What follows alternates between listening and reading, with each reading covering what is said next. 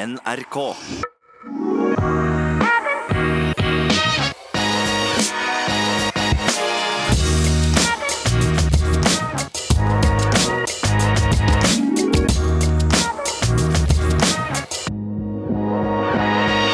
Oktober går mot slutten, men vi ruller videre på. Velkommen til en ny episode av I det lange løp. Jeg heter Jan Post, kommentator og aktiv mosjonist når det kommer til eh, løping. Har egentlig vært inne i en eh, god periode nå, får trent ganske bra i fire-fem uker. Men nå er jeg selvfølgelig blitt sjuk, og så er det bråstopp. Et steg tilbake. Og ett steg tilbake, det er eh, tydeligvis eh, det som gjelder for eh, oss i denne podkasten denne uka. For Christian Ulriksen, etter at det har gått rette vei siden operasjonen i vår, så har du også måttet ta et steg tilbake nå. Ja, 2020, Jan. Det slutter aldri å overraske. Det er egentlig bare å bite tennene til masta her nå og holde oss fast og håpe på bedre tider fra 1.1. Ja, hva har skjedd med deg? Nei da, vi, er ikke, vi er verken blitt eh, handikappa eller fri for arbeid, så det går jo for så vidt bra. Men vi hadde oss en, en MR på litt oppfølging etter, etter operasjon, da. Så vi tok eh, en MR nå 26 uker etter operasjon. Litt for å se hvordan ting har grodd, og se litt på, på hvordan treninga som er gjennomført i det siste, har påvirka foten. De to siste ukene før der har jeg løpt 40 og så 50 km. Og, og ikke hatt noe smerter eller noe sånt. Og det er jo ikke på noen måter sånn at jeg er en person som tåler alt mulig og aldri har vondt. Så når jeg sier at jeg ikke har vondt, så betyr det at ingen andre heller ville hatt vondt. Men, eh, men bildene måtte sendes over til Finland, og det er klart at eh, han Lasse Lempainen han eh, er nå en kirurg som sier det han sjøl mener, og det er nå heldigvis det viktigste. Så han var ikke helt fornøyd med bildene. Det er en del i, i akkurat der operasjonen har vært som fortsatt ikke er helt grodd. Så eh, nå er det syv uker til neste MR, og det er bare lov å springe to ganger i uka. To ganger i uka. Kan du løpe hvor fort du vil da, eller er det rolig og kort, eller hva er greia? Nei, altså akillesen er 100 så selve draget i foten er ingen problem. Det han er, vil ha minst mulig ut av, det er rett og slett eh, steg og, og trøkk på foten, altså i, i, form av antall steg. Så det blir to intervaller i uka. Én på mølla på onsdager og én i, i, bakke på lørdager. Og så får vi se litt, eh, litt lengden og innhold, men eh, det blir de to tingene og, og kanskje rundt 30-40 minutter med oppvarming og, og nedjogg. Og så får vi trene litt alternativt. Men jeg ser jo ut av vinduet. Det er jo 20 millimeter med regnvær hver dag, så det blir nok lite alternativt. Ja, der har du vært dårlig, altså. Der har du ikke vært spesielt bra motivert. Det må da gå an å få til noe? Nei, det er vanskelig, altså. Det, det, vil seg rett og slett ikke med alternativ trening. Vi har jo en bra sykkel, den har vi jo selvfølgelig fått sykla litt på. Det er jo ikke alt som er blitt registrert på Strava. men den der ellipsemaskinen og den aquajog-varianten, den uteblir i 2020, altså. Ja ja, jeg syns du skal ta og høre det, den forrige episoden med Karoline Bjerkeli Grødal. Hvordan hun gikk fra skada til å løpe sitt livsløp på noen måneder der. Eh, en gang til, og så får vi se om det gjør noe med motivasjonen din. Nei, altså det er ingenting som kan motivere meg. Jeg er tilbake her nå på Grandiosa og ketsjup og litt grillkrydder, så livet smiler. Det er bare å eh, vente på eh, bedre tider. Ja. 2020 varer og rekker med 50 nye dager da, uten at du får trene som du vil. Nå var det siste som begynte å minne deg om litt ordentlig trening, men den gang ei.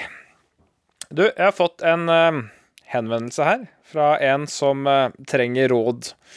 Og, og, der tar jeg med deg, altså. Uh, jeg har gått fra å være helt utrent, skriver han her, vi lar han være anonym, og relativt korpulent til å løpe 10 km på 37 blank på halvannet år ved å løpe 6-7 ganger i uka med standard terskelintervaller og langturer.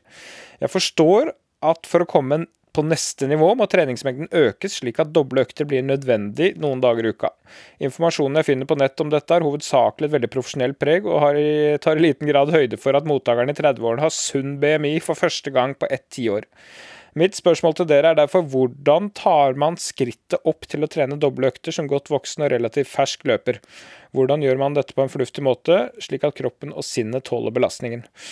Håper dere har muligheten til å dele disse erfaringene eh, med, i reisen da, fra utrent til supermosjonist.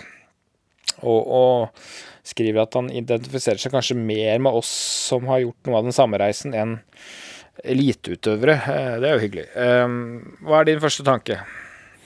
Nei, hvis fyren har bestemt seg for at han har lyst til å trene to ganger om dagen, så skal vi ikke ta fra han den drømmen eller den, den muligheten. Men eh, det finnes jo mennesker i verden som har sprunget mye fortere enn det du og jeg og han der blir å gjøre noen gang. Og da tenker jeg nå først og fremst på han Bernhard Lagat og andre folk som, som nesten kunne ha trent ei økt økt om dagen eh, hver uke. Så kan vi jo selvfølgelig diskutere hva han der Lagat gjorde når han var ung, men det er nå en annen ting. Men at det går an å bli steine god av å springe én gang om dagen, og da kan du jo springe 120-130 km i uka, det er jo helt sikkert. Så hvis han har lyst på død og liv å springe to ganger om dagen, så må han jo gjerne få lov å gjøre det, og det er jo garantert bra. Men da må han jo eh, kjøre den der hvis han skal opp på ti økter, da, så får han kjøre den der doble økta på, på morgenen. Kjøre en 30 minutter, kanskje 40 minutter rolig, og så bruke det som et supplement. Men jeg vil nesten si at han kan få like mye igjen for å trene ei økt om dagen, og så forlenge, den, forlenge økten bitte litt.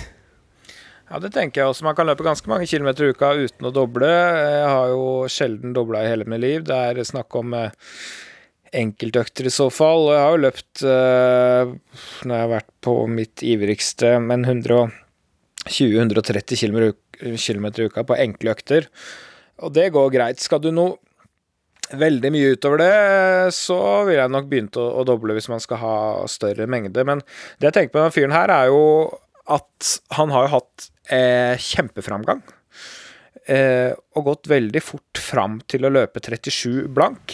Det er jo ingen grunn til å tro at den eh, framgangen kommer til å få en bråstopp nå. Nei, nei, nei, på ingen måte. Altså, det er jo ingen, han, for min egen del, da. Vi får si at han fyren her er like tullete som jeg var da jeg begynte å springe. Så eh, kom jeg jo fra 44 minutter til 36 minutter på ett år. Og så ble jeg nå 1 til 1 12 minutter bedre til jeg kom på 33 blank. Og så stoppa det litt opp. Så han kan jo fint bli en en, en, par minutter bedre av å fortsette å trene sånn som han gjør nå. Hvis han får løpt eh, gode terskelintervaller, så kan han jo kanskje øke volumet på terskelintervallene litt. Hvis han er på en 8-9-10 km nå, kanskje han kan kjøre 12 ganger 1000. Det er mange måter å gjøre det der på uten at han på død og liv skal springe to ganger per dag. Ja, det tenker jeg at man kan utvide enkeltøkter litt og gi litt mer belastning sånn. Og så kan man øke ukesvolum uten å nødvendigvis trene doble økter. Og kanskje hvis man skal innføre doble økter, gjøre det med alternativ trening, ellipse, eh, sykkel, andre ting som gjør at du får en kort, kort økt med alternativ trening. Så får man se hvordan det funker i livet og sånn rent mentalt og motivasjonsmessig før man eventuelt går ut over på å løpe. For det, det, er, jo, det er jo ikke sånn at man løper man mest mulig, så løper man fort fortere og fortere og fortere. Eh, hadde det vært så enkelt, så kunne vi jo løpt 200-400 km i uka alle mann, og bare økt og økt. Eh, det gjelder å holde balansen. Ja, definitivt. Og så vet vi jo ingenting om hvor gammel han er, om han har noen unger eller hvor han bor. Men det er klart at hvis du plutselig kan gå en lang skitur på en søndag og så på morgenen, og så kan du kjøre deg litt, en 30 minutter eh, rolig på mølla på kvelden og kjøre litt styrketrening, så finnes det jo sånne muligheter også. Du, det der to økter om dagen løping på død og liv, det, det fører veldig ofte til problemer med skader og, og over, eller litt feiltrent og stag... Ja, i det hele tatt, altså. Jeg syns han her skal holde seg til det han er på nå, og kanskje noen små justeringer. Ja, jeg tror det lar det få være siste ord. Og så tenkte jeg vi skulle prøve å gjeninnføre dette med ukas økt. Og der er vi jo inne en tid av året hvor eh, kanskje det ikke er mest hektisk. Veldig mange har gjort unna sesongens mål, er inne i en litt roligere periode, og jeg syns jo det er en fin periode å gjøre en del sammenhengende løping. Eh, eh, hvor man kan løpe sånn halvhardt. Eh, terskeltype sammenhengende økter for å få litt god base og så godt grunnlag før man eh, gjør eh, flere intervaller, kanskje litt eh, lenger utpå året og nyåret. Um, jeg syns jo litt få eh, gjør sammenhengende løping. Eh, kan jo skjønne at det av og til er litt røft. At hvis du skal ut og løpe 12 minutter sammenhengende Nei, 12 km sammenhengende, så kan det kanskje være litt, litt kjedelig, litt monotont. Så da har jeg en økt som bryter opp litt. Gjør seks til åtte ganger 1000 meter. Hvor pausen er en halv kilometer i flytfart, som da vil si at du løper 25-30 sekunder saktere enn på dragene. Så løper altså 1000 meter, og så løper du 500 meter ca. halvminuttet saktere per eh, kilometer, og så er det nye 1000 meter. Eh, da skjer det litt underveis i økta. Du løper eh, litt i nærheten av terskel, og så løper du litt roligere, henter deg inn igjen, og så og går på. Da får du en mil pluss minus, avhengig av hvor mange tusenmeter du tar, med sammenhengende god løping. Syns det er en, en, fin variant, både på mølle og ute i den perioden av året vi er nå. Ja, vi skal slå et slag for han godeste Ron Clark fra Australia her, som dunka på med, med sammenhengende løping. Han mente jo, han satt jo verdensrekord på 10 000 meter, han mente jo at en av de aller viktigste øktene han hadde, det var sammenhengende én eh, time. Og da gikk det litt progressivt, og så gikk det ganske steady fart underveis der. Og det kjørte han nesten én gang i uka når han var på sitt beste, og, og det holdt til verdensrekord der på 70-tallet. Så det er ei god, god økt, perfekt inn i sånn ressursperiode. Gjør ofte at man ikke åpner åpne for hardt heller, for man skal være ute en god stund. Og, og sammenhengende løping, da er det ingen pause heller. Nei, effektiv og fin økt får gjort uh, mye på kort tid. Du, og så tenkte jeg vi skulle trøste oss selv litt da, når vi sliter med sykdom og skade her. Uh, I helga som var, så var det altså en 60-åring som satte ny verdensrekord i årsklassen 60 til 64 år.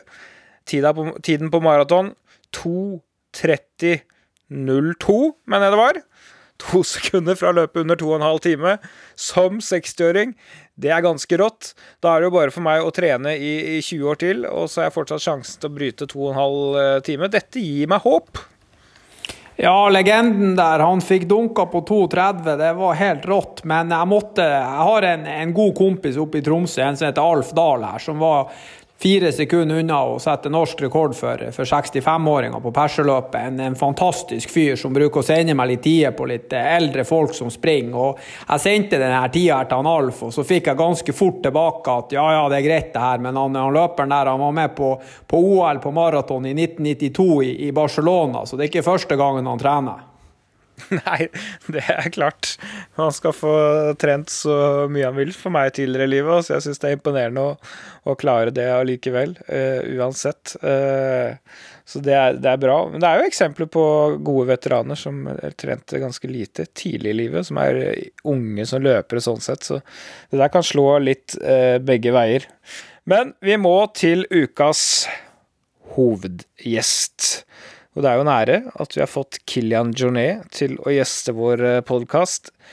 Det er verdens beste fjelløper gjennom tidene, må vel kunne si. Han har vært ekstremt god på alt fra en vertikal kilometer til eh, lange, lange ultraløp, og kanskje er han aller råest på disse fjelløpene som er i nærheten av en sånn maratonlengde. Og så har han jo vært oppå de største fjellene i verden og nesten behandla det som en konkurranse. Altså prøvd å sette rekord opp og klart å Mont Blanc, eh, eh, Mount Everest, Aconcagua eh, Ja, denne type fjell. Altså, det er en helt, helt unik idrettsutøver. Du har møtt han? Ja, vi begynte å studere der i Tromsø i 2011, og så hadde vi jo en, en fantastisk skigjeng med de her uh, Nygård-guttene i spissen og en par andre folk der. Så hver onsdag var det fellestrening i Tromsø. Det var en 40 minutts joggetur og litt lyging og skitprat, og så var det inn der og kjørte en, en 30 minutters styrkesirkel. Var jo ikke like brutal som Rodal sin sirkel, men var brukbart. Og det var jo folk som Finn Ågen Krog innom og sånn der. Men en vakker eh, Jeg vet ikke hvilken dag det var, men det var i hvert fall vinter og dårlig vær. Da dukka faktisk han Kilian opp der. For hun, Emily Forsberg, hun, hun samboeren da, og, og mora til ungen nå, de de var kjærester på den tida der, og, og plutselig så Hun studerte oppe i Tromsø, da, så hun var med på de treningene, og plutselig så dukka Kilian opp. og var selvfølgelig en par mann som, som, visste hvem han var, så eh, vi fikk prata litt skit med han, og folk spurte litt om O2-opptak der, og godt trente skiløpere fikk høre at gutten hadde testa 92, da, da holdt han på å dette om der. ja, det er OT-opptak. Altså vokste opp på 2000 meter høyde i Pyreneene, i en fjellhytte, og var oppe på 3000 meter topp uh, lenge før han fylte fem. Så han har vokst opp i fjellene. Uh, og har jo også gått mye på ski. Eh, litt langrenn når han var yngre, men nå er det jo randonee, eller ski mountaineering som det heter på, på engelsk, som eh, gjelder. Han er jo verdensmester mange ganger der, og, og, og, holder bare på med det på vinteren. Altså, han er ekstrem løper, men han løper ikke en meter på vinteren. Uh, så han har veldig to separate uh, sesonger. Det blir spennende å høre litt. Må høre litt om alle eventyrene han har vært ute på. Um, hvorfor han ble den idrettsutøveren han ble, og, og, litt hvordan han trener. Um, han er jo ganske åpen. Ja, han Kilian har delt mye. Han er jo en, en, ganske stor legende der i nordlige deler av Spania. Jeg har faktisk hørt at han er en av de få idrettsutøverne som blir gjenkjent i Barcelona, som ikke er fotballspiller, så det sier kanskje sitt. Og han har som sagt eh, ja, født der oppe på ei hytte og i høy høyde og gjort de, de, mest utrolige ting. Jeg har jo stått på startstreken en par ganger lammene og sett han springe med mine egne øyne ned noen fjellsider, og det er det er altså nesten så du ikke tror det du ser. Ja, han er uh, villmann. Uh, han gjør noen ville ting. I, I, sommer så var han i Horungane og tok alle 2000-metertoppene på en dag over 20-tallet. Han hadde en annen dag hvor han kjørte en økt først en vertikal kilometer, altså 1000 høydemeter opp, under en halvtime. Jogga ned igjen, 1000 høydemeter ned, og løp én mil på asfalten på under halvtimen.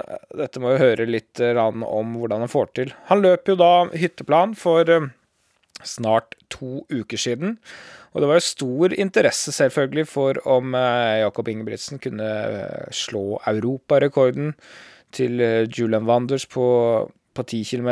Men med internasjonalt så var det også stor interesse på hva Kilian Jornet skulle klare når han endelig stilte i et flatt løp én mil, en rask løype i, i Norge. Folk har jo gjetta sluttiden hans i ukevis. Dette var de nysgjerrig på. Hvor god er egentlig fjellegenden på flat asfalt? Og det endte jo med at han løp 29,59, så vi må, vi må høre med, med, det, og hvordan han ladet opp, og, og, og han var litt skadeforfulgt osv.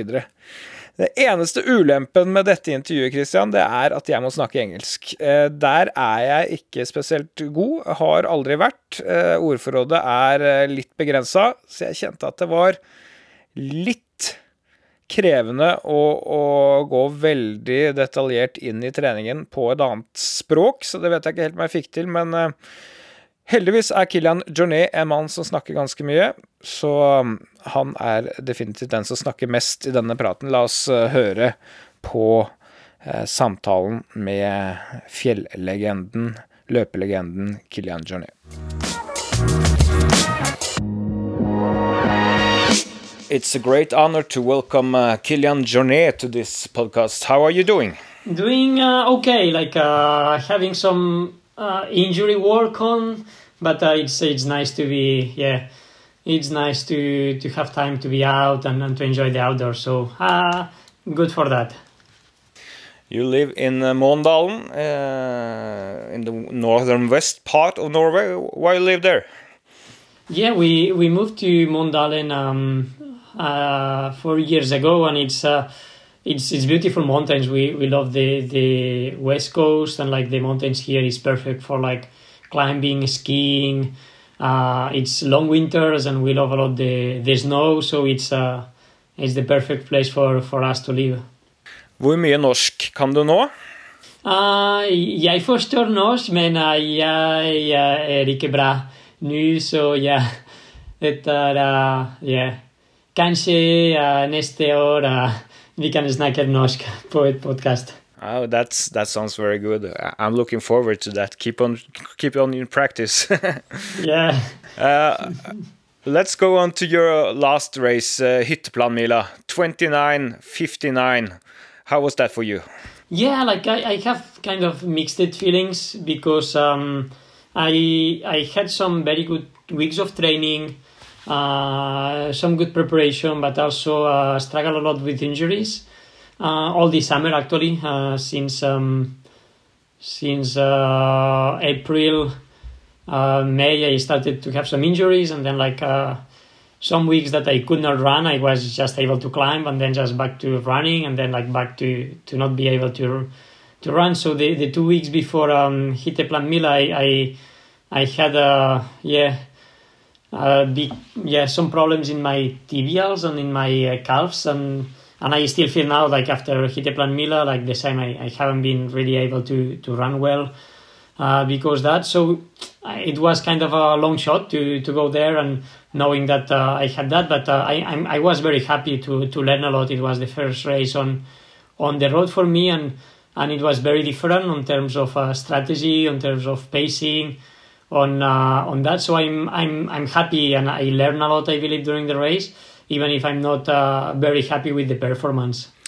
Uh, you are a big uh, mountain running star, but how, how was it to stand behind the start line with, with guys like Philip and Jakob Ingebrigtsen? It's a completely other world, but still good runners. yeah, they are amazing runners, and like I, I, know I'm not at the game. Like it's uh, for me, it was just like uh, fun to to go to out of my comfort zone and, and see like uh, uh, what I can do, but I, I it was kind of uh, uh, not what I'm used to do. So it was more to enjoy and to and to admire these guys like running on on front. So it uh, for me it was not like a, a competition, but it was more like a, I, had the the chance to be there and to to enjoy the race and, and to see these guys running. So it was uh, it was really really inspiring to to see them to see them running.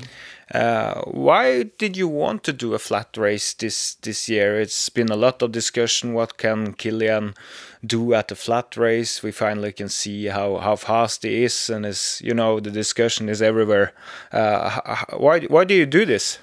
Well, like I I like to. For me, sports it's it's about uh, discovering and it's about um, progression, and I mean, uh, I like to to to see what I can do in different disciplines, and the the polyvalence is what it motivates me. So uh, this year with uh, the the COVID situation, like it was. Um, it was not possible to go for an expedition in the Himalayas, so that was my big motivation for the year. So when it's cancelled, then I was thinking, okay, I, this year that I I cannot do many big mountain projects, it would be interesting to spend like a a couple months like trying to to train on the flat and see see how it is and and knowing that it's a parenthesis that next year I want to be climbing mountains but just to see what it is. And like I, I, I like to see what I can do in a 100 mile race or what I can do like climbing at 8000 meters. And it's also interesting to know what I can do like uh, running on uh, 10 kilometers. So for me it's like part of making this picture of, uh, of who am I I heard an interview with you in, in May when you were talking of, of doing a flat race in, in the fall. Mm. Uh, probably what not, it was not Hytteplanmila that you had in, in mind. What what was the real plan plan this year? Was it a marathon or, or something else? Yeah, I, I I didn't have a big plan because I, I didn't know how I would react uh, on terms of uh, preparation and injuries. But uh, sure, I, I wanted to try a bit different distances because, uh, as I said, like I, I'm not um, uh, I'm a professional mountain athlete, but not a, a, a runner at all. So um, so for me, it was more like to try to do a few races, different distances, to see to see my yeah my references, and then like start climbing again next year. So for me, the plan it was to do like a 10k and then maybe a half marathon or a marathon uh, and and that's still the plan. I think like I would see if I recover from the injuries and and if it's some races going on that. Uh, uh, before the, the ski season really starts to, to do some some different distances to see yeah to see what I am. So uh, it's hard now to plan, uh, and it was hard to plan before also because all the COVID, uh, which races uh, will will be going on. But yeah, I would like to do some different distances to just to just to try. So there is a possibility to see you in a marathon or a half uh, this year. Um, yeah, why not? Yeah, like uh, right now, like uh, yeah, I, I first uh, need to get back on onto training and that, but um, but uh, that's that's kind of the plan to to try to do something more and and before uh, yeah before climbing season or like uh, expedition season starts, I, I I want to do something yeah some some more races. It's it's fun. Like I as I said, it's uh, it's very cool to get out of the comfort zone and in the mountains like i can feel that i, uh, I when i have a good day that i am flowing and in the asphalt is the opposite like it's always hard and it's always like something that i feel that is not right but that's that's that's the cool thing about it is to to get there and to try to to understand why why it isn't right and, and try to find the solutions for it if we go a couple of years back how, how much running have you had you been doing in your life on a, on a flat road um literally just crossing the roads. Like uh, last year, it was the first year I, I started counting distance. Like until last year, since 2000, that I started training like uh, uh, seriously. I did only count hours and elevation. Like for me, distance it wasn't on my radar. It was something that I didn't care at all. Like I was counting like how many elevation meters I was doing, but uh, I didn't care about like uh, so it was then my trainings. It was all about doing as much meters possible, and that only changed last year that I started to do some uh, flattish runs. Like uh, yeah, before yeah, literally before last year for me uh, a run with like let's say 10 kilometers and 500 meters of elevation that was very very flat. So uh, that changed last year and saying okay, that's not really really flat. That's people can consider like even a, a mountain run but last year you did change your training a bit and did uh, more uh, flat training. I understand. And what what did that do to your to running? Because we saw you in Sierre Zinal did an amazing time and, and so on. Did it help or? Yeah, and, and that was super interesting because I, I actually started to do some some flat running uh, on the training and, and I saw that uh, during uphill I was improving and I believe that it's a part because the the flat running, but I, I also think that it's also because um, changing training after 15 years it, it means like new stress to the body, so so it's new adaptations. But uh, I believe that uh, yeah, it's uh, it's it's important part like uh, on mountain running, especially in races like Sierre Zinal, like like it has when it comes to technical races, it's it's not useful to do flat running, but uh, for for um, races like Sierre Zinal or like uh, UTMB, these kind of races, I, I, believe that the, the flat training it's uh, it's important, and, and I saw that that uh, my performance were uh, improving even on uh, on the mountains. But also like this year, I, I have been running mostly in the flat, but uh, and when I was injured, I I couldn't run on flat, so I was going to climb on mountains and. And I could do my best times on like climbing up Romsdalshorn or like uh, Vengetind that they are climbing roads, so nothing about running, but I was able to perform better than, than other years. So you think you will continue in the future to, to do some flat training? Um, well, like uh, I might have some part of my training on the flat, but I'm like I'm missing so so much the mountains on a way. Like I I cannot wait the, the time to, to go back to expeditions and to, to climbing and that, even if I'm doing a bit now. But but I, I think I, I will do because I, I like to, to do things and, and and and to keep some part of the training on the flat. But uh, uh, it's it's also like uh, like I don't think my body is used yet to to that. So I, I am getting a lot of injuries. So that's very annoying. Uh, so I think I would like yeah do maybe one or two days a week, uh, some flat running.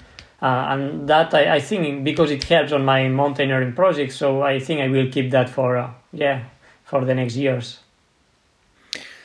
Let's talk a little bit about uh, how you became a, a, mountain runner because you you grew up in the Pyrenees, about uh, 2,000 meter above sea level. Uh, tell me about uh, how kind of place that was. Yeah, um, we were living in a mountain hut, uh, as you said, in the Pyrenees. Uh, so um, it was um, we had access to the to the outdoors from from our door. The forest, the, the the summits, they are not very high summits there, but like three thousand meters. So uh, we were just like spending all the time after school, like running and climbing in the forest. And, and both my parents are like uh, mountain uh, enthusiasts. So like um, my father was a mountain guide and and uh, he has done some expeditions in the Himalaya and and my mother too, like in the Pamir and that. So they were like all like yeah, giving us the love for for alpinism and and uh, and mountaineering, and that actually it's something that I practice as a since I was a kid.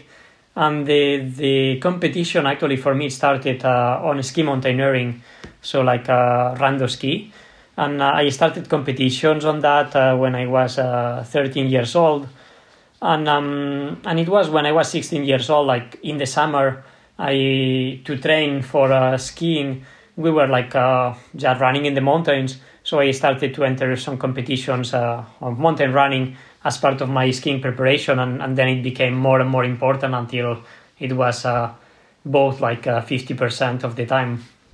But skiing, uh, as a ski mountaineering, were your first serious competitions? Yeah, yeah, yeah. I, yeah, that was where I started like to compete internationally and and do yeah, and I was like I, I think until at least twenty years old like for me uh, mountain running it was only preparation for skiing. The focus was always in skiing. And then since that moment it was like okay summers are to run and winters are to ski. So keeping like the focus on both on both of sports yeah, and you did well at both, uh, being a world champion multiple times. So uh, that has worked out. But uh, you got the coach when you were 13. Um, and since you were 17, I understand you've been training uh, on your own uh, with, no, with no coach. Uh, why is that? Um, yeah, I, had a, a coach when I was young Maite Hernandez uh, that she was like um, uh, yeah doing all the all the preparation and, and that was from I was 13 years old until um, until 17 and I think during that time I, I learned a bit the basics and then I, I studied uh, sports science in the university. And uh, uh, I would say like I really like it at that time to do experiments on like uh, doing things uh, to, to try different techniques of training. And I love to do long days. Like at that time, I I was loving to do like a, uh, uh, 10 hour days out in the mountains. And the coaches, like, it was not a coach that was saying, okay, that's good for you. They were all, no, you need to train like uh, this short and intervals and flat or whatever. And he was like, no, that's that's really not going to work. So then I decided to start training by myself and uh, and I believe because it worked out, so I was uh, doing good results. Then then I, I thought, okay, that's that's working. So I started to to to do it myself. But then uh, I I I like sports science and I like to talk with uh, different coaches and, and physiologists to to see what's uh, uh, yeah to see different methods and, and try to adapt them. I think it's it's about talking with other other people that we can uh, see things and, and try it and see that uh, if they work for us. Did you also test yourself like VO2, VO2 max and, and stuff like that when you were young? Yeah, uh, for the ski uh, for the ski team actually we we do like a um, VO2 max test uh, every year or two times a year, uh, and all the yeah to, to have all the medical record for for that. So I think since 13 yeah since i started since 13 years old i have been doing that uh, every year i saw on a, a, video on your site that you have uh, measured 92 in vo2 max was was it high from a young age mm, like when I, I think when I was 13 years old, I think it was like 73. Uh, and then it came like to 80 pretty pretty fast like uh, when i was uh, uh 16 17 and and then it has been yeah around like you know every test is a bit different so like i, I have record normally it's like between 88 and, and 92 so it's always around that that um, measures um, but uh, actually yeah i, I think uh, uh, VO2 max has always been pretty high. Recovery has been always fast. Then like uh, on on terms of like uh, muscle fibers, I I have only slow fibers since young age too.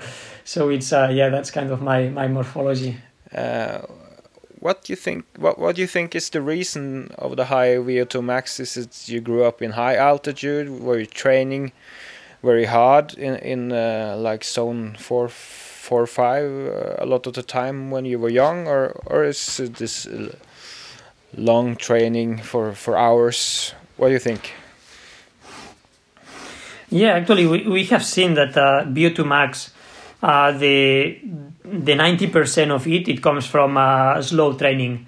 It's only like uh, the the interval training, the zone four and five. It improves a little the VO2 max, but but the the base it's it's on slow training and I believe that uh, it's because uh, when I was a kid, like from like uh, when I was like three years old, I I, I was able to do like uh, climb three thousand meters peak or like that. So so I was walking. I could be walking for like ten hours um, at that time. So that was kind of normal. So I believe that from two years old until 10 years old i was spending a lot a lot of time like doing long uh, walks and, and runs and, and cycling in, in a slow pace. And I think that's that's the base of everything, like slow uh, aerobic training.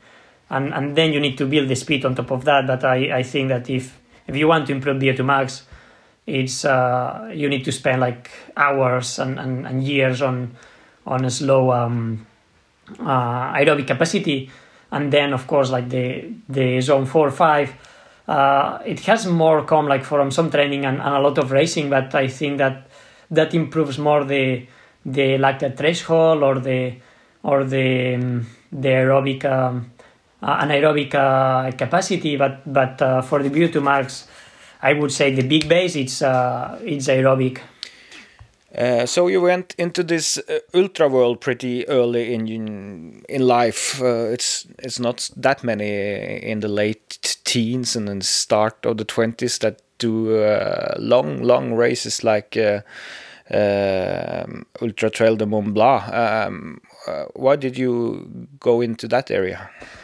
Mm, yeah, I I found it interesting because like I uh, at that time, like I was racing um, in ski mountaineering, so races are, are pretty short, like uh, between a vertical race like 20 minutes up to to two hours or, or three hours a team race. Uh, and, and I was doing in running like sky running races, so they are like maximum up to marathon distance. Um, but uh, yeah, I, I just heard about uh, ultra running and I thought that's interesting. Like I want to see what my body is able to do on on that. If I'm able to run this distance, and and uh, it it caught my attention because it's it's something different. So uh, I think uh, for me one of the the drivers of my of my life it has been to explore and to explore different things. Like not to try to do very good on, on a specific thing, but to try to do different things. And that was why I think because it's I just wanted to see what was going on when you run these long distances. Uh, just for the listeners, Ultra Trail de Mont Blanc is about uh, 160 kilometers long and uh, 9,000 altitude meters, uh, almost 10,000.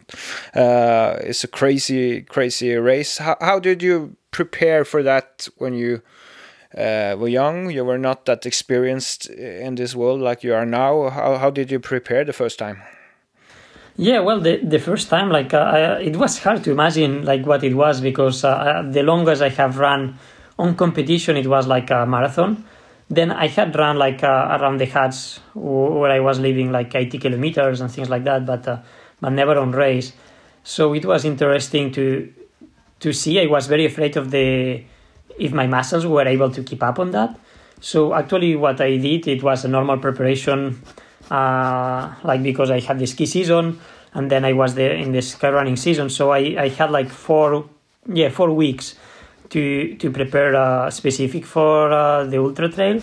So what I did it was like to just do the loop in in four days straight. So it was like kind of one marathon every day, and then uh, I rested two days, and then I did it in uh, in two days. So around like uh, 80 k's uh, per day. And when I did that, I was I saw that I was able to keep up um, in the pace I wanted for the race, and and that muscles were okay. So then I thought, okay, I'm I'm prepared for it. And then you went on to race, and the organizer were a little surprised about your pace. What happened?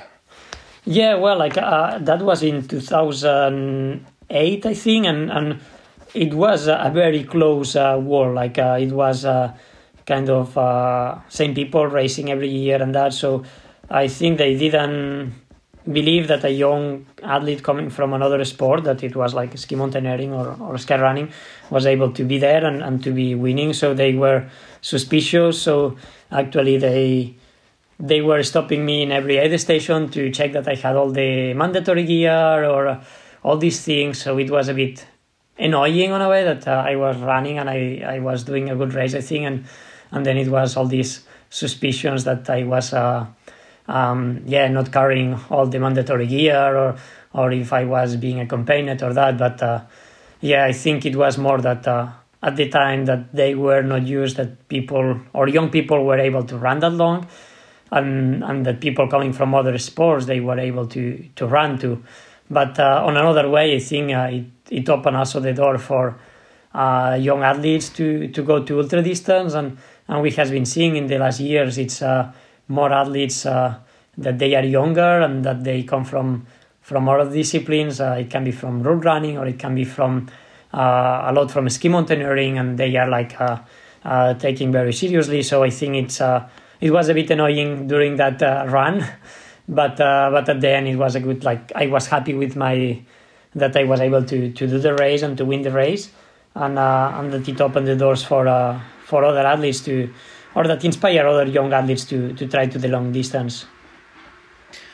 I'm sure they had learned your name and what you are capable of later. So that's that's for sure. Uh, you went on to win all famous races uh, like Zinal, Western States, Pikes Peak, uh, Transvulcania, Zegama Aizkorri.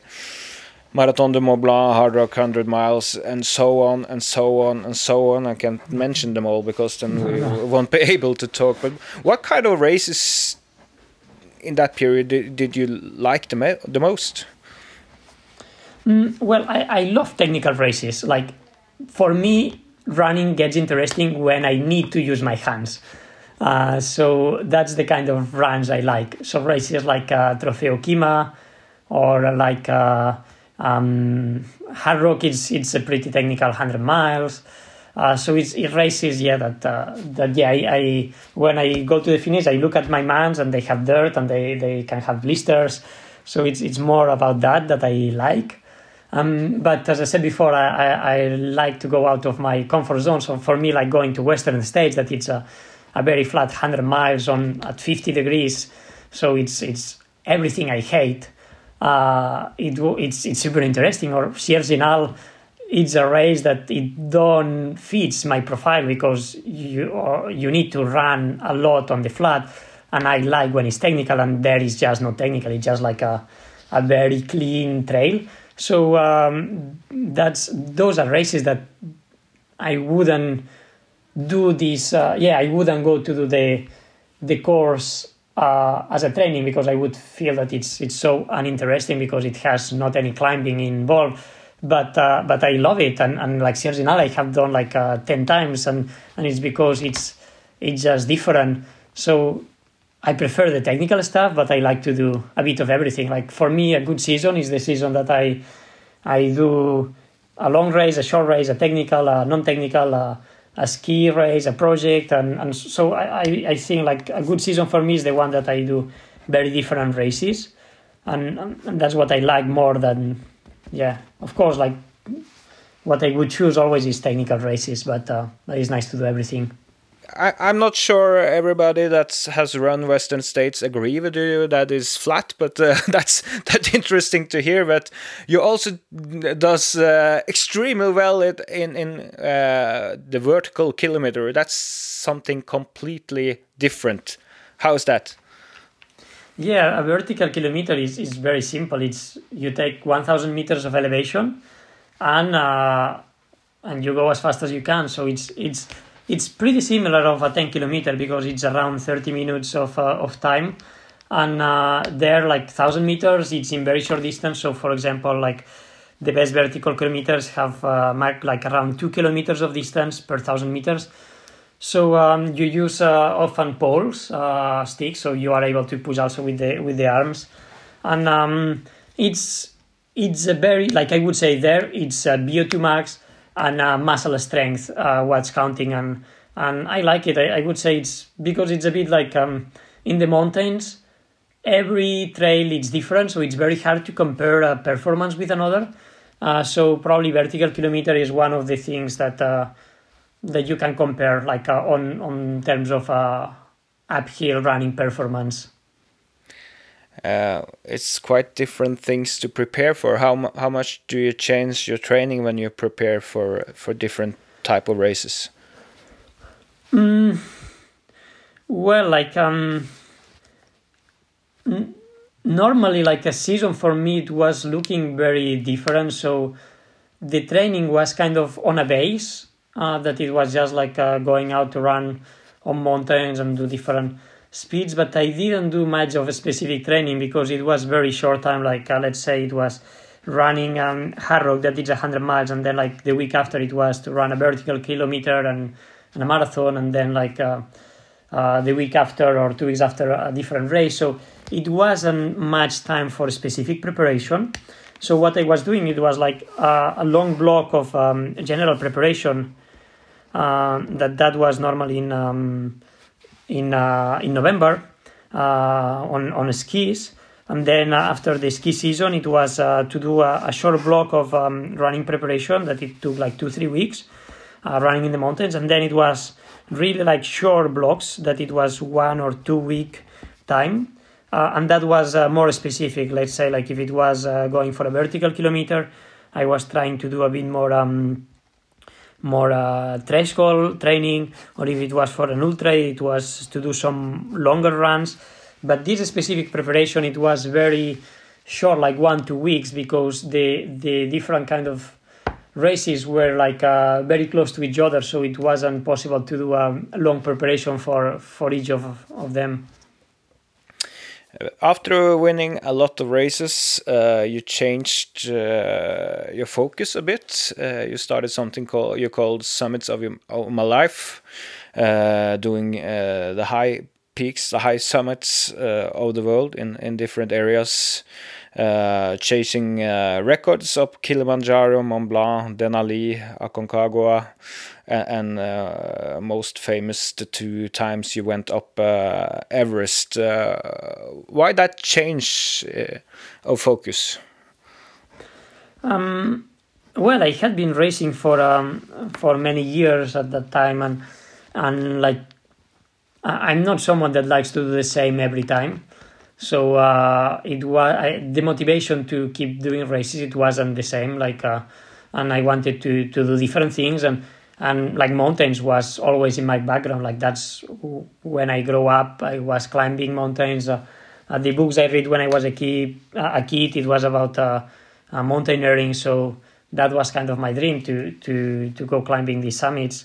And, and then i was i wanted to take all the things i learned uh, on the competition. So to go light to go fast and take that into the the mountaineering that it was what it was making me dream. Uh, how important were the records for you uh, the time? Um, well, that evolved. Like I would say at the beginning, it was important um, because I was really in a competition mindset. But then I think uh, because I was going with uh, yeah uh, with different people and getting influences and and actually the the time it became a consequence of the style. So for me it was more important to to to climb the mountain on a on a certain way than to do a fast time. Because if you want to do fast time like let's say like you would like to have more assistance so you don't need to car- carry any gear or you would like to to have a fixed rope because it's easier to climb technically than than uh, climbing by yourself. And and then like you aren't climbing the mountain anymore yourself like it's technology that it's helping you to climb the mountain. So uh, so i wanted to okay i want to climb the mountain by myself to see if i can do it. And then i want to go in a very light way like to be more close to to the mountain like to be more naked. Uh, uh, and then the consequence of that is that uh, you go fast. So uh, the time it was just a co- or it was a consequence of um, of uh, the style.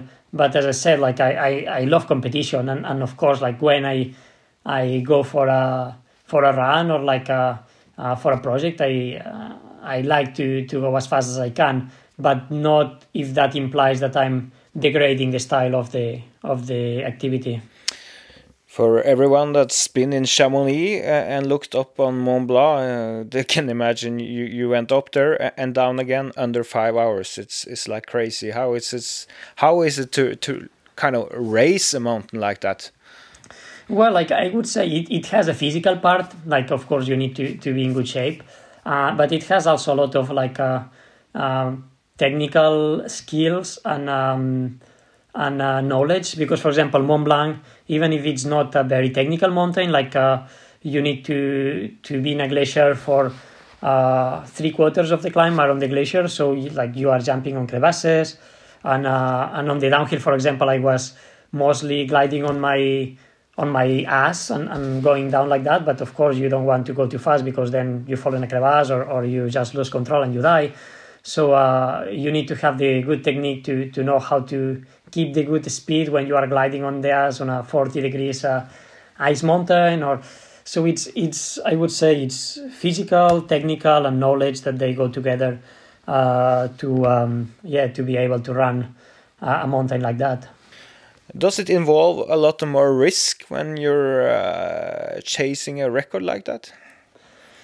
Um, well, like it's always a risk when you go to the mountains. Um, like uh, when you do any activity, when you drive a car, uh, it's it's also risk. Huh? So, but uh, yeah, when you go to mountains, it's important to to understand what are the the risks, uh, and and there it's you need to be very humble about your capacities and about uh, your knowledge because if not, it's very easy to to put yourself in danger. And and the thing is, like when you are doing a a project in the mountain you need to be really sure of that because it's not like you are running on a stadium and if you get injured you just like uh, stop and, and walk to the to the log room or to the car.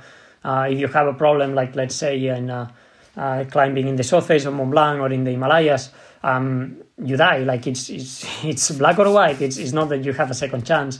So uh, so you need to be really aware of the risks and you need to be really aware of like the consequences and the decisions making uh, the objective and the subjective risks so it's it's kind of an equation that i, I always uh, have on mind and i put all this uh, data that i can see on the mountain and that i can see on myself uh, before taking the decision of like continuing or, or turning back and and i turn back the like the 50% of the time because i i, I estimate that the that the risk is too high or that I don't want to to yeah to assume the consequences.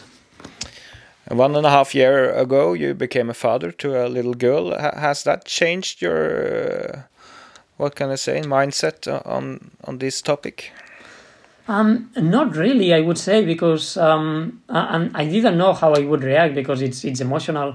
So um, uh, actually, I think it, I have done the same activities on the mountains and I, I believe it's because I, I has always been very aware of the risk involving and, and when I'm taking the decisions it, it has always been through a very uh, thought process. So I, I have always been really analyzing before doing an activity.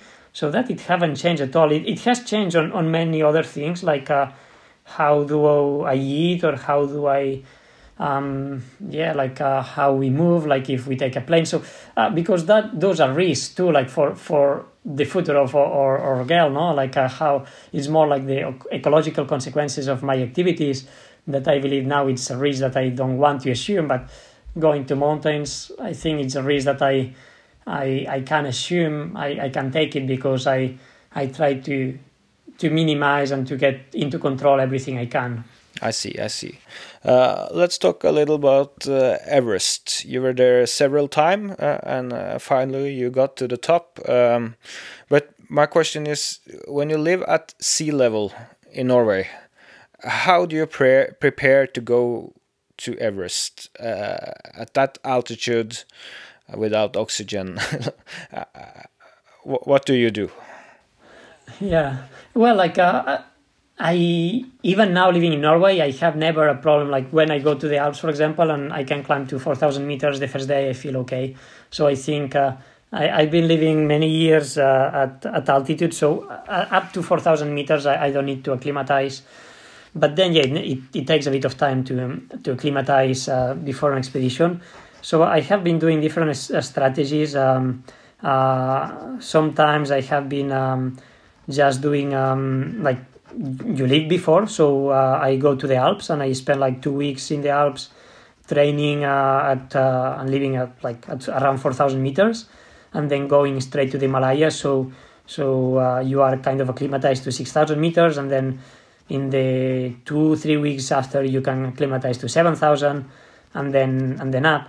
Uh, other times I has been doing that uh, with a hypobaric chamber like to do two weeks in, in a hypobaric chamber before traveling to the Himalayas.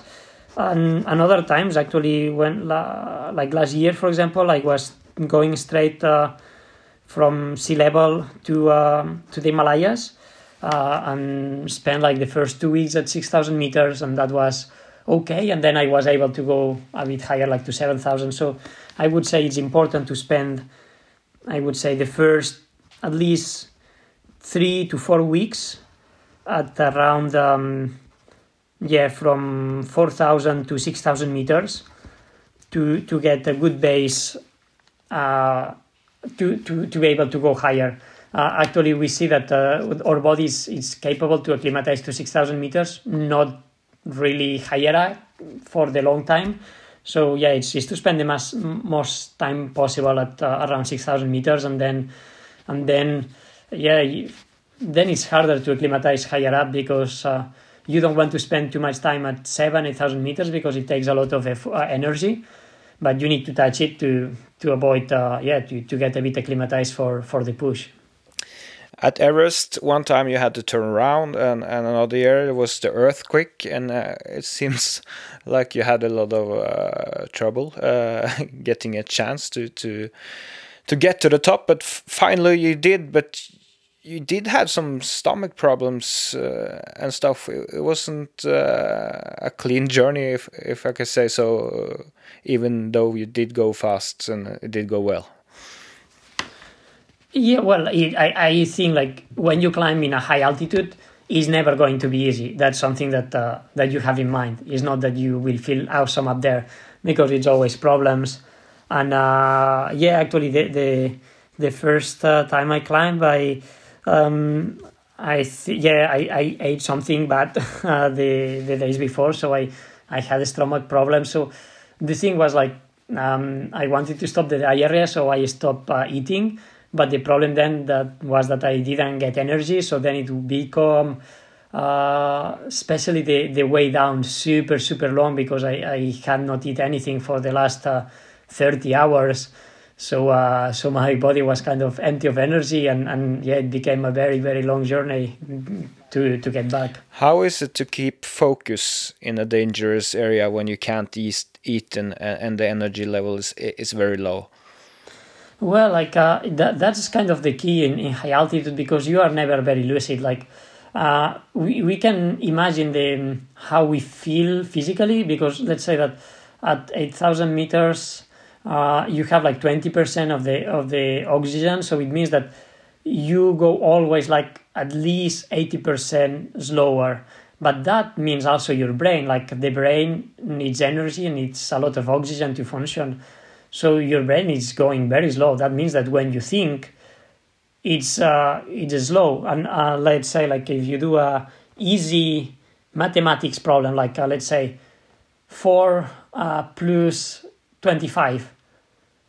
Here it's very easy. It's very easy to calculate, but up there it takes a lot of energy, and, and you are like struggling to make easy calculation. So when you need to take hard decisions and important decisions, it's always like uh, a fight, and, and you need to keep lucid and to keep uh, seeing well everything, and that's that's what is very interesting of uh, high altitude climbing, I, I would say, and um, and it's uh, uh, yeah, it's it's how to focus. I think the motivation it's it's big part of it, like that you has been like really really wanting that and fighting for it, and then even if it's problems, that's something that you you already know that will be problems, and and then it's uh, I think also the survival instinct it's it takes a big part of it because you want to survive so it's you keep fighting and you keep uh, moving because because that a few days later you decided to go up again. Why? Mm, well I, I would say i uh, we had more time so like we weren't leaving that day from the base camp and and uh, and like to, to be in the base camp like i don't know eating uh, pancakes it's it's nothing that i like. So um, so then i started to think it would be very interesting to to go up again to to altitude to see how the body reacts uh, how it is for the body and for the brain to be uh, doing a, a, very very hard activity after a very very hard activity. Uh, and uh, and that was uh, what interests me is it was like okay how it is to to do a big big effort in high altitude um, after a big big big effort. And and that's uh, because like after doing that i i realized that it's possible to to spend all these hours in in altitude and and keep moving and and that just opened like uh, the possibilities to do new things like uh, very long ridges or like link ups that before I, I wasn't sure that it was possible because uh, because I didn't know if the body was able to to spend that amount of time uh, in altitude, and that was kind of the interest of of going up again. You have given out a film about this great expedition. Uh, that's really interesting. So you can go online and and uh, and watch. I recommend everybody do do that. But uh, let's leave the Himalayas and, and see on your see uh, closer on your normal training, uh, normal base week. I I read you you train like 1200 uh, hours a year. It's 550,000 altitude meters. Um, how, how does a normal week look like? Um, well, this year is different because the flat running, um, but um, but like a normal week for me, I would say in winter it's hundred percent on skis, so uh, always uh, on skis, uh, and in the summer it's uh, mostly running and climbing. But I would say like um, Monday or uh, in general, it's like uh, in the morning I, I do a longer training uh, that can be from um, two to five, six hours, and then in the afternoon uh, one hour short uh, uh, training, and then I I would do like one mountain day a week. A mountain day, I mean, it's it's something technical that uh, that it can take longer. It can be ten hours where I need to kind of really push my technical limits. Uh, I would do one um, uh, threshold day, so uh, longer intervals, one short intervals day, like a VO2 max training kind of, uh, and uh, one kind of fast tempo or um, or uh, yeah, in skis kind of this this same of speed. So mountain day, short speed, threshold tempo, and the rest is like uh, easier runs um, or yeah uh, in the mountains or, or skiing. How long can a threshold uh, workout uh, and, and this tempo workout be? Um well like uh, uh, the the threshold it's uh, it depends uh, the the goal the race i'm doing but normally i would do something that uh, it's um uh, in time it can not very long actually when I do threshold it can take one one hour one and a half in total so maybe it's around 30 minutes of uh, of uh, of intensity in, in general. So it could be like a three times uh, 5,000 meters or four times uh, uh, 2,000 and some accelerations. Or like uh, if I'm skiing, it can be like uh, three times uh, 10 minutes or uh, four times 10 minutes, something like that. And and then the tempo runs. Um, I would say it's about from one hour to to two hours. Uh, yeah, something like that. You you're very well known for uh, running fast downhill. Uh, did you do you do special training on that, uh, or is it just part of the rest? Mm, it's part of the rest. I, I think it's it's important not to go super fast, like full gas on the downhill on training, because that takes a, a lot of uh, muscle energy. But uh, but I think it's just like when you run a lot uphill, that means that you run a lot of downhill too. So uh, it's and, and especially downhill, it's it's more about uh, the relation, the connection between your feet and your vision. So where you look, where you put the feet, how you put the feet. Uh, how, so it's it's it's more about knowing the, the terrain than than actually having physical strength for that. So uh, it's I, I believe for ru- running down uh, fast, you need to spend a lot of hours like uh, on very different terrains.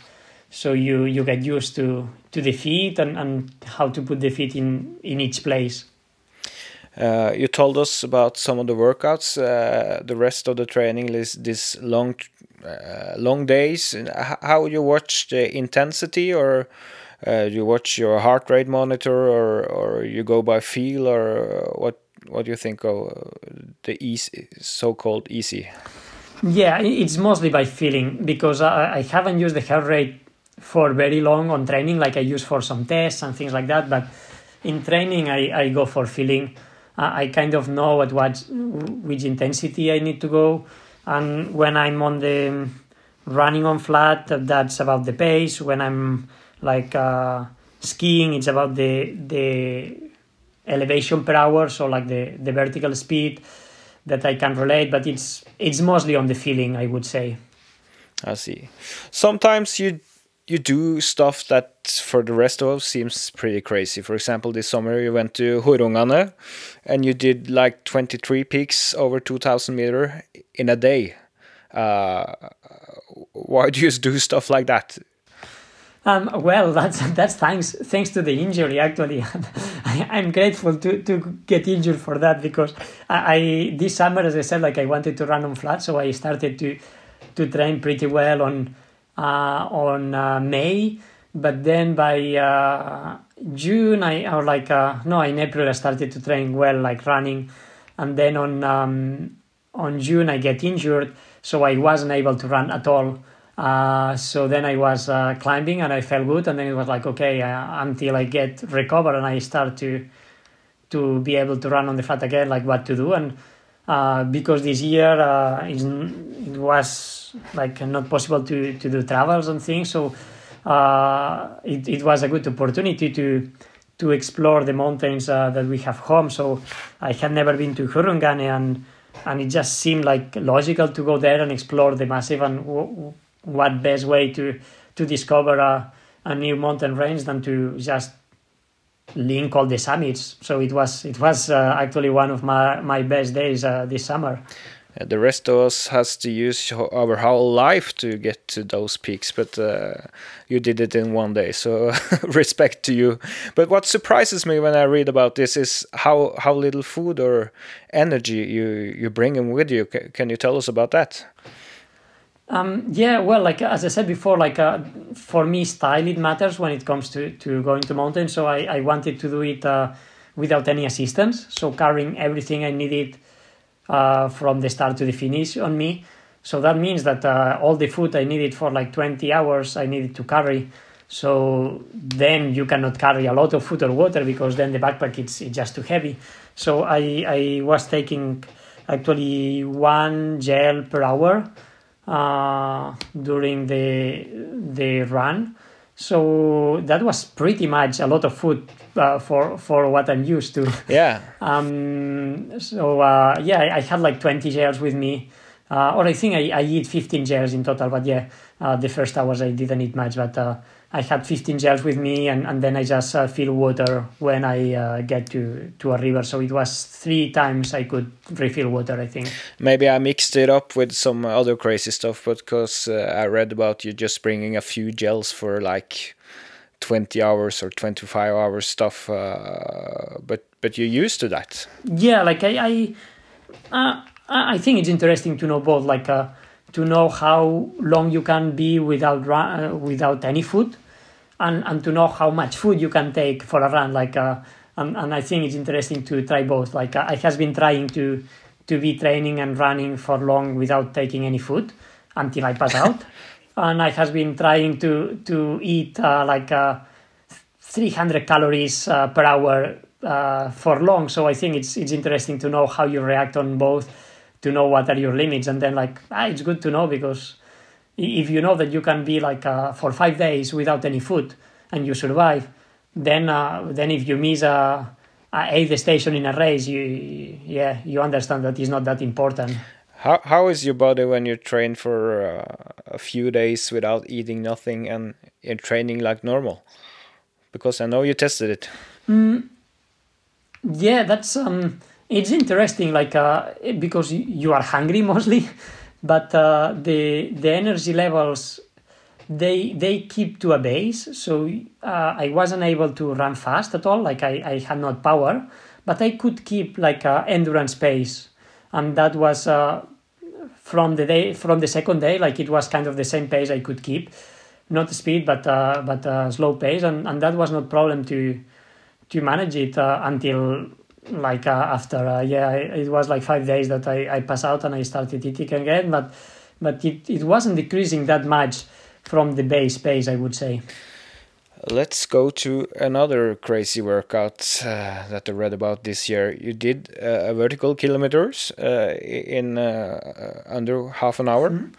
and you went back down and then you did 10k on the road in about 2940 or something 38 or uh, you remember better than me but yeah yeah i think it was uh yeah uh 2957 the vertical kilometer and 29 uh 45 i think the the 10k yeah important seconds in both under half an hour. So uh, why did you make up a workout like that? I think nobody in the world ever have done anything like that um, well, one of the workouts that I often do is um, it's uh, similar. Is uh, going up uh, Nesaksla here in in Romsdal that it's 700 meters vertical, and then running uh, five or seven kilometers on the flat.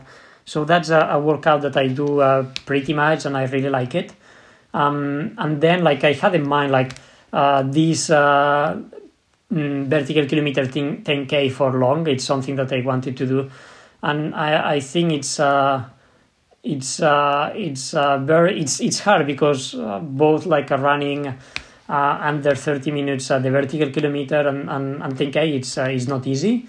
Uh, so actually yeah I, I think it was probably the moment I was in my best shape in the in the summer because it was after the injury I could recover well. I could have like one month of a very good training block and uh, and and yeah, it, it was the moment to do it. I think it's uh, uh, yeah, it's uh, it's a very interesting workout. I think because it uh, you need to have like both the the speed for the the 10k in the flat and and the and the strength for the vertical. So it's uh, it, I, I encourage people to do it because it's very fun to to see like and, and to see where is the difference. Like some people might like take longer on the VK and some in the 10K. So uh, it, it would be very interesting to see like um, athletes from from roads and, and mountain athletes to, to do it to see where where it's what it takes longer for for each of them. I might think that the hardest part for a normal normal guy like me would be the thousand altitude meters down, because my Yeah. legs would be they will not work well after thousand altitude meters down. I, I tried that in in Chamonix and uh, I was not running well on the flat. So okay, yeah, yeah, that needs. Uh, yeah, for me it was the the resting that it was just to take a very easy downhill, like, uh, and that was good for oxygenate the the legs. you more used to downhill running than uh, most people, I think. Do you do any uh, strength training uh, or um, is it just climbing? Um, mostly climbing. I, I would do a, a light core training, um, but uh, no, mostly. uh, And I think because also in the ski season, it's a lot of uh, strength because it's the weight of the skis. Um, I don't do any any kind of strength uh, training like specific. Any cross training? I know you've been cycling a lot before, but uh, but now Not much. Like uh, uh, now, it's mostly just like really skiing on winter, running on summer. But on summer, I also go cli- climbing. So I, uh, even this year that I'm running flat, I try to keep this mountain day uh, uh, to keep the motivation. Uh, and this day, I'm using more all the muscles. So so it's a bit cross training, I would say. But uh, cycling now, if I'm not injured, I I I don't do it. Yeah. you said you did hundred percent skiing in, in the winter time. How how is it uh, when you come to like April, May, springtime, and you uh, starting up running again? Uh, what is important then? Well, the first week the legs are hurting because uh, I haven't been running at all for like five months, five or six months. So the, I would say the first two weeks are are horrible for the legs, but uh, it it became a quick transition. Like uh, over the years, I think the body get more used to that. So uh, it's um, it's uh, it's that and uh, the legs muscles. It's it's hard to to the transition and then uh, actually the first weeks after skiing you feel very very strong like uh, you have a lot of power especially when you go up. It's uh, it's incredible. But uh, but uh, you are slow on on speed uh, because because the legs are not used to move fast so that takes more time. So i would say like then during the summer like the the speed is increasing because you're running more but the power is is kind of decreasing from the because uh, you use less power on the summer running than than uh, on the winter with the skiing.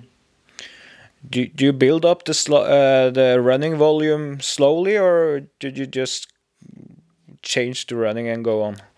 Um, not really slowly. Like I, it it's always like a bit of a snow, so I I still do for like two weeks, like three days a week skiing and and, and four days running or something like that. But it's pretty much like fast transition. Like uh, I I would try to do.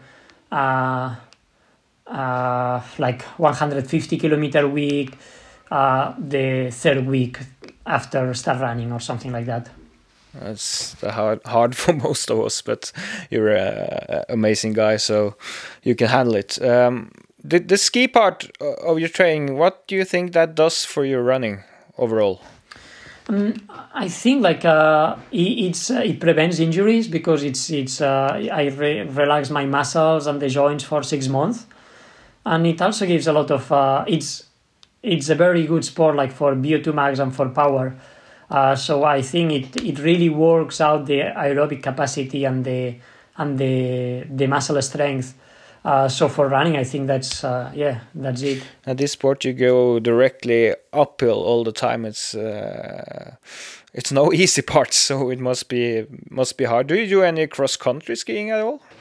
No, no, not really. Like I, I, I did when I was kid, but uh, not really since then because uh, I like to watch, but uh, it's so much fun just to go up to summits to not need to follow a track, but just to go where you want and like the downhill and yeah, it's if it's nice weather or even if it's bad weather, like skiing in the powder. So yeah, it's yeah, it's not a day that I would say, oh, today it would be nicer to do cross country than than uh, mountaineering. So yeah, I, I haven't done for years.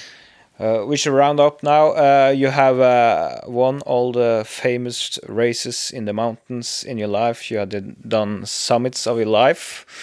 this year you even been training for some flat racing. Uh, what gives you motivation these days? What what gets you up in the morning and up in the mountains? What what will the future bring? Mm, I think it's to to kind to to keep exploring because uh, like this year I'm I'm motivated on like explore myself on the on the flat and see what it what where it drives me. And then like uh, in the mountain it's so much projects to do. It's so many cool things that they are possible that i it's, it's just endless possibilities. So just like uh, if i'm healthy to to go out it's it's so many things to explore both on terms of performance and both on terms of uh, of projects. So it's uh, for me it's a, mm, to get out and to go training the motivation hasn't has never been a problem. I think it's the opposite. It's the hardest days are the days that you need to rest and, and then it's like okay it's uh, i want to be out doing things. I'm sure you will continue. We we, will try to follow uh, you on social medias and and take a small part of all your adventures the heart gets uh, beating just uh, looking at the movies and the pictures so uh, so thank you for that thank you very much for giving us your time on, uh, being on this podcast and and good luck if you choose to go for a half marathon or a marathon uh, in the coming uh, months.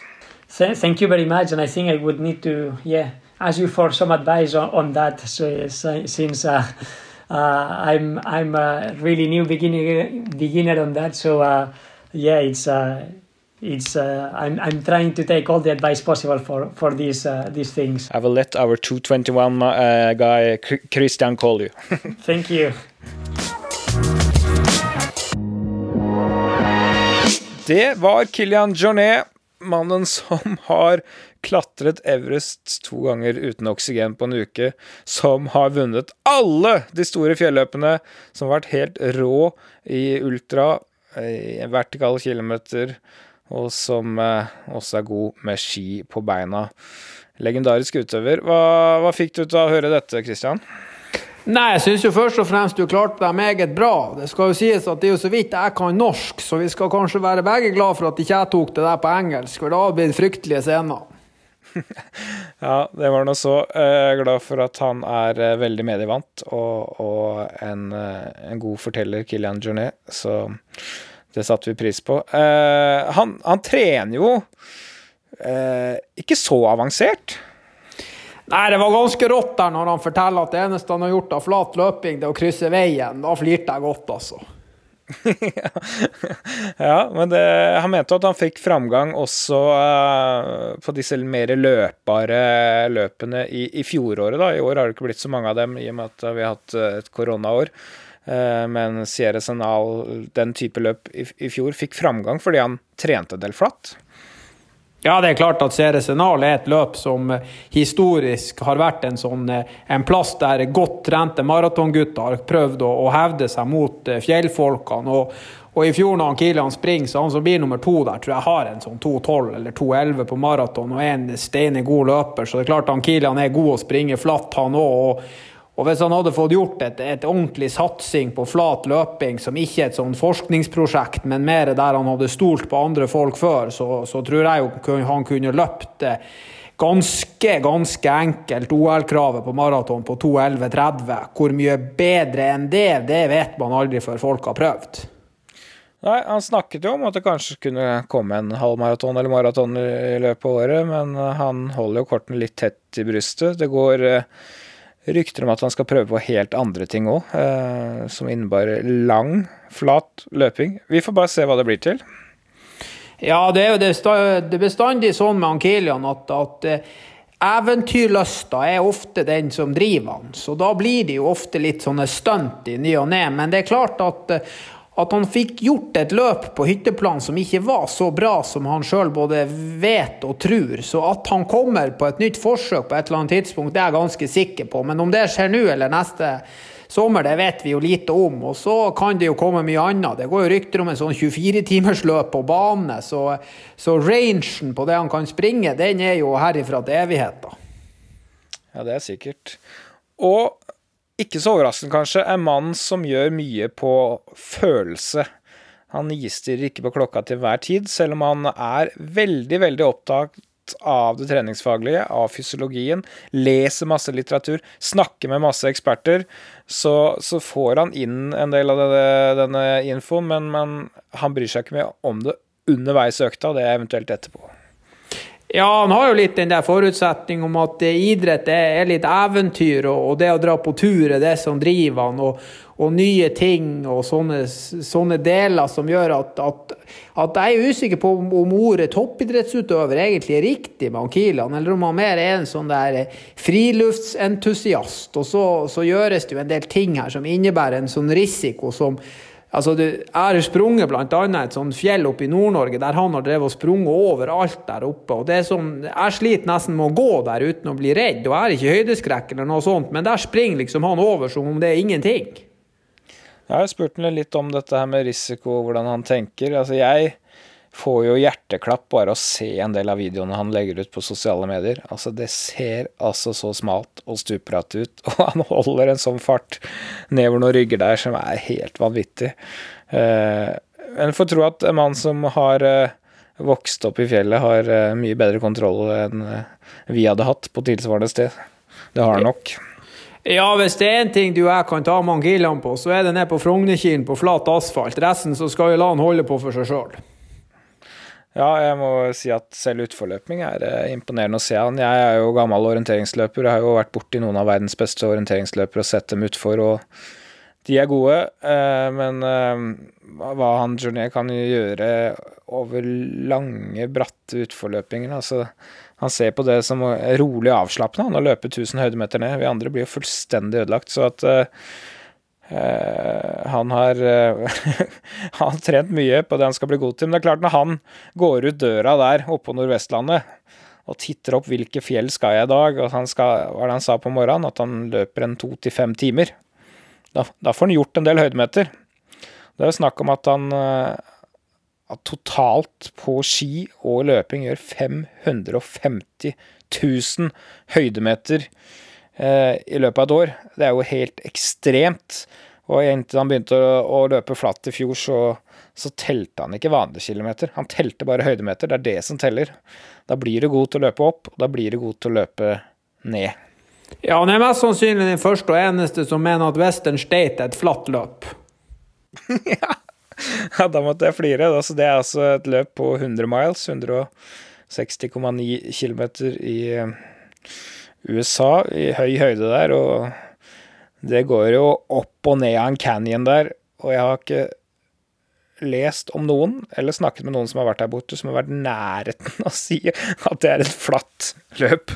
Det fins for øvrig en del eh, YouTube-filmer, eh, dokumentarer, Eh, som jeg har sett om det løpet, bl.a. et år Kilian var med. Han har jo vært med flere år og har vel vunnet bare én gang, men da får vi se han i, i action i det såkalte flate løpet.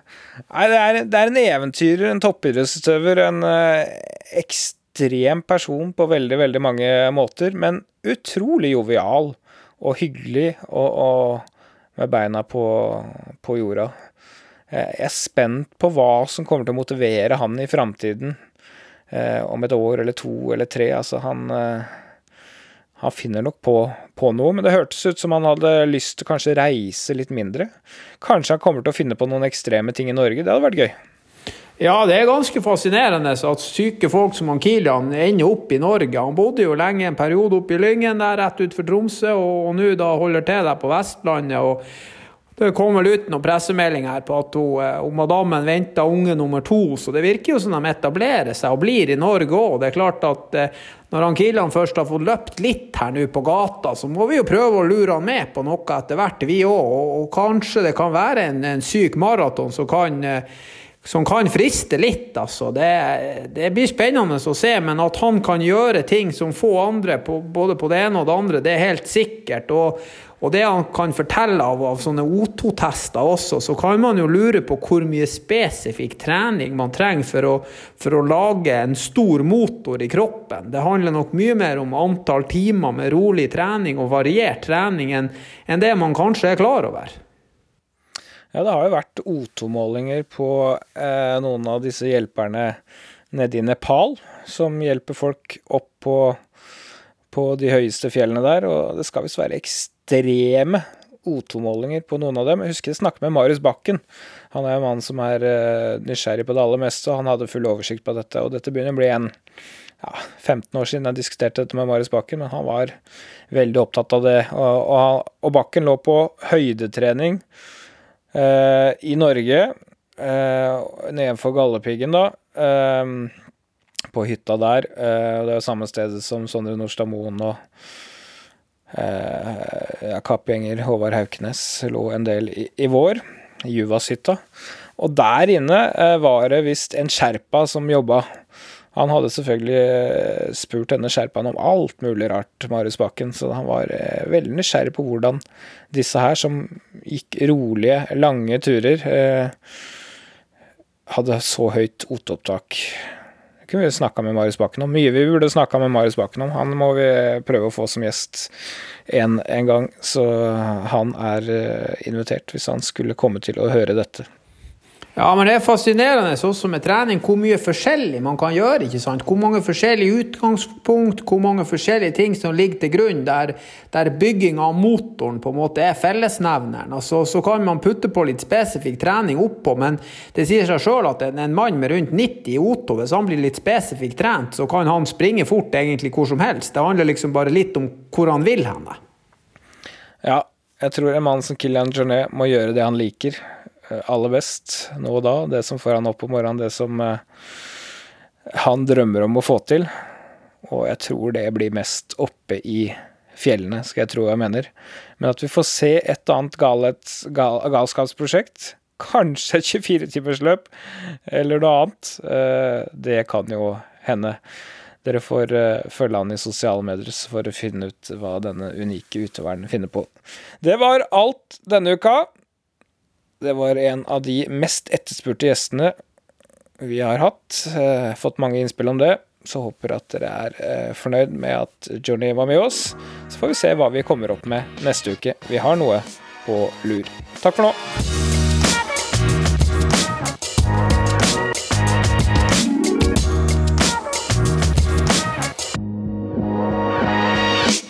Du har hørt en podkast fra NRK. Hør flere podkaster og din NRK-kanal i appen NRK Radio.